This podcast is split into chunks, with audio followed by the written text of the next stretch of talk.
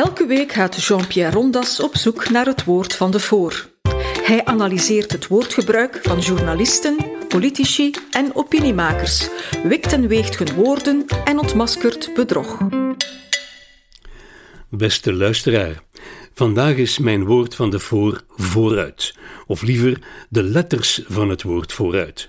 Ik wil het hebben over de kaping van de naam vooruit, een maat voor niks. Dat wordt hier dus een Gens verhaal.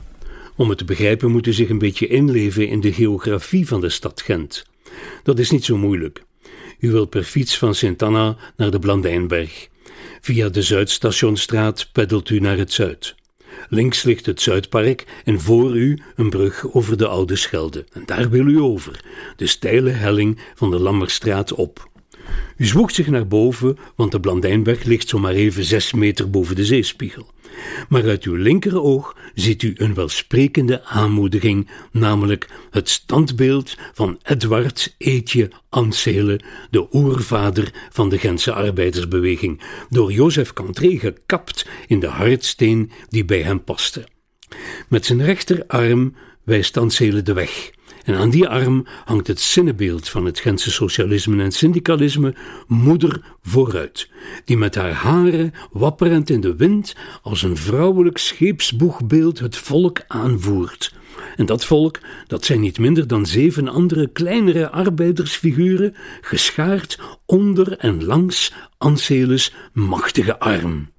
Gans het raderwerk staat stil als uw machtige arm het wil. Het lijkt alsof moeder vooruit ook vooruit roept. En nog voor u de kans krijgt om op een kleiner verzet over te schakelen, ziet u uit datzelfde linkeroog daar hoog boven de spreekballon, waarin moeder vooruit haar alles overheersende rode woord vooruit schreeuwt, maar nu voluit gespeld op een gele muur in letters van minstens een meter hoog vooruit. Wie de helling s'avonds weer afrijdt, ziet dan richting zuid op een tweede gele muur diezelfde rode letters prijken. Daartussen ligt dan dat complexe gebouw dat zichzelf vooruit noemt, en dat is de machtigste realisatie geweest van Ansele en Moeder vooruit gezamenlijk, de kroon op het werk van de Gentse socialistische Captains of Industry.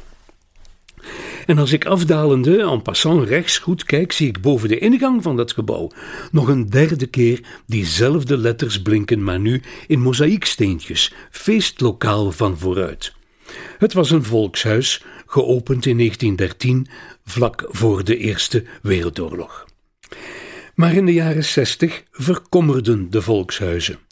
De socialisten zijn er geen goede huisvaders voor geweest. Het werd te duur om ze bij te houden. Een heel mooi exemplaar, het Brusselse volkshuis van architect Horta, werd in 1964 zelfs gewoon afgebroken. De stalen restanten lagen decennia op een stort te verkommeren. En dat heeft ook voor de Gentse vooruit niet veel gescheeld. In de plaats zou er dan een gebouw van Amelings gekomen zijn. En toen de vrijwilligers van 1981 het gebouw met de blote hand begonnen te restaureren, haalden ze er naast tientallen duivenkarkassen ook de begeleidende kilo's duivenstront uit. De fotodocumentatie van het verval in die jaren is spectaculair. Maar niet alleen het gebouw was de socialisten te veel, ook de naam vooruit was hen niet veel waard. Ook hun krant heette zo, en ook die deden ze van de hand.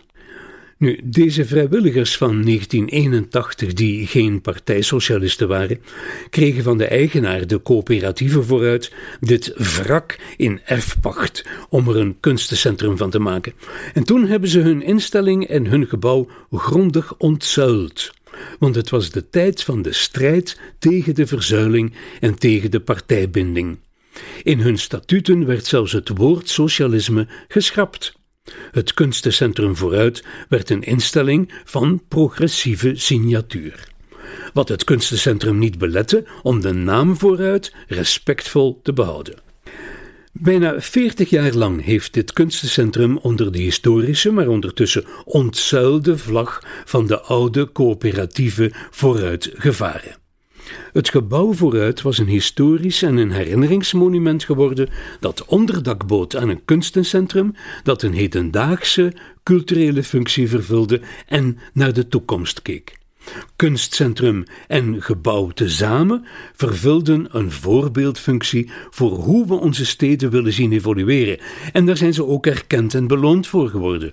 Het nog altijd zogenoemde feestlokaal van vooruit werd in 1983 aangeduid als beschermd monument en als deel van een beschermd stadsgezicht en in 2009 als bouwkundig erfgoed. Wie had dan in het jaar 2013, tijdens de feesten naar aanleiding van de honderdste verjaardag van het gebouw, kunnen vermoeden dat de Socialistische Partij SPA, de erfgenaam van de verwaarlozers en afbrekers der volkshuizen, dat deze partij in het jaar 2020 toch nog eens langs zou komen om de aloude naam van het kunstencentrum te usurperen en zichzelf te sieren met het gestolen goed nadat ze decennia van vooruit niet meer hadden willen weten, willen ze nu toch weer vooruit heten.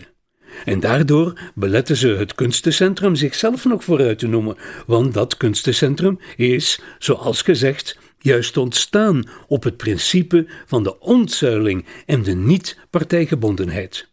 Het kunstencentrum zit dus in een houtgreep en moet een nieuwe naam zoeken, omdat de partij zijn naam gewoon kaapt. Vlaamse socialisten zijn al lang niet meer trots op hun eigen naam. Ze hebben al een hele traditie in het wegmoffelen van het woord socialisme.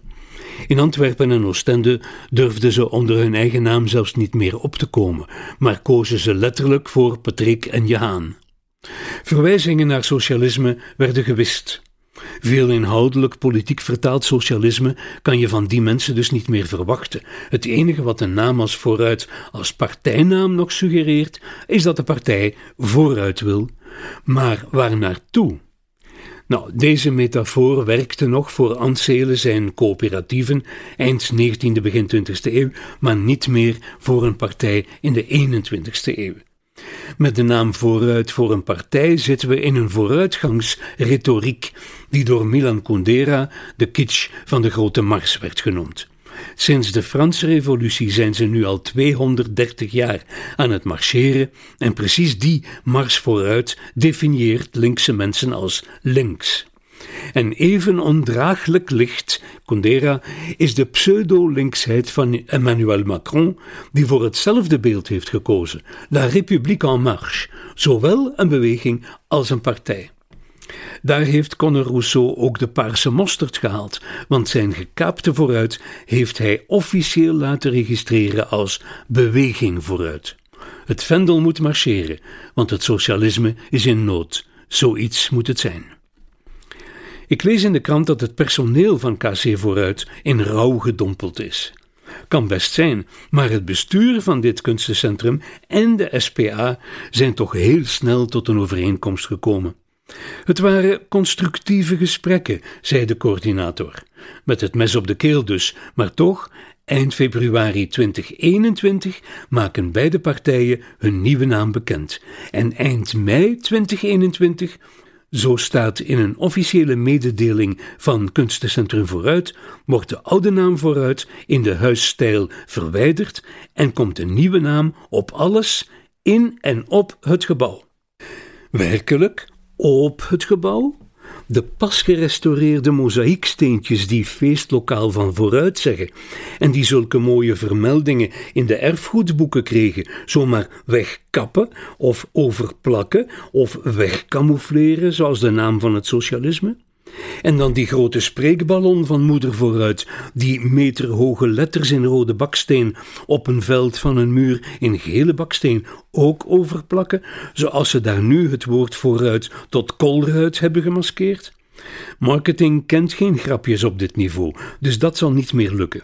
Of misschien die rode stenen, zowel aan de kant van de Lammerstraat als aan de kant van de Sint-Pieters-Nieuwstraat, allemaal wegkappen of ze een verfje geven? Het punt is dat in het geval van het gebouw vooruit de naam zelf historisch en onroerend erfgoed is geworden. Nu mogen Conner en zijn kornuiten het bureau voor intellectuele eigendom platlopen. De naam van het gebouw vooruit maakt nu eenmaal deel uit van het beschermde gebouw vooruit. Het gaat hier niet om een kantoortoren of een hotelgebouw waarvan de naam wisselt met de nieuwe eigenaar uit de Emiraten.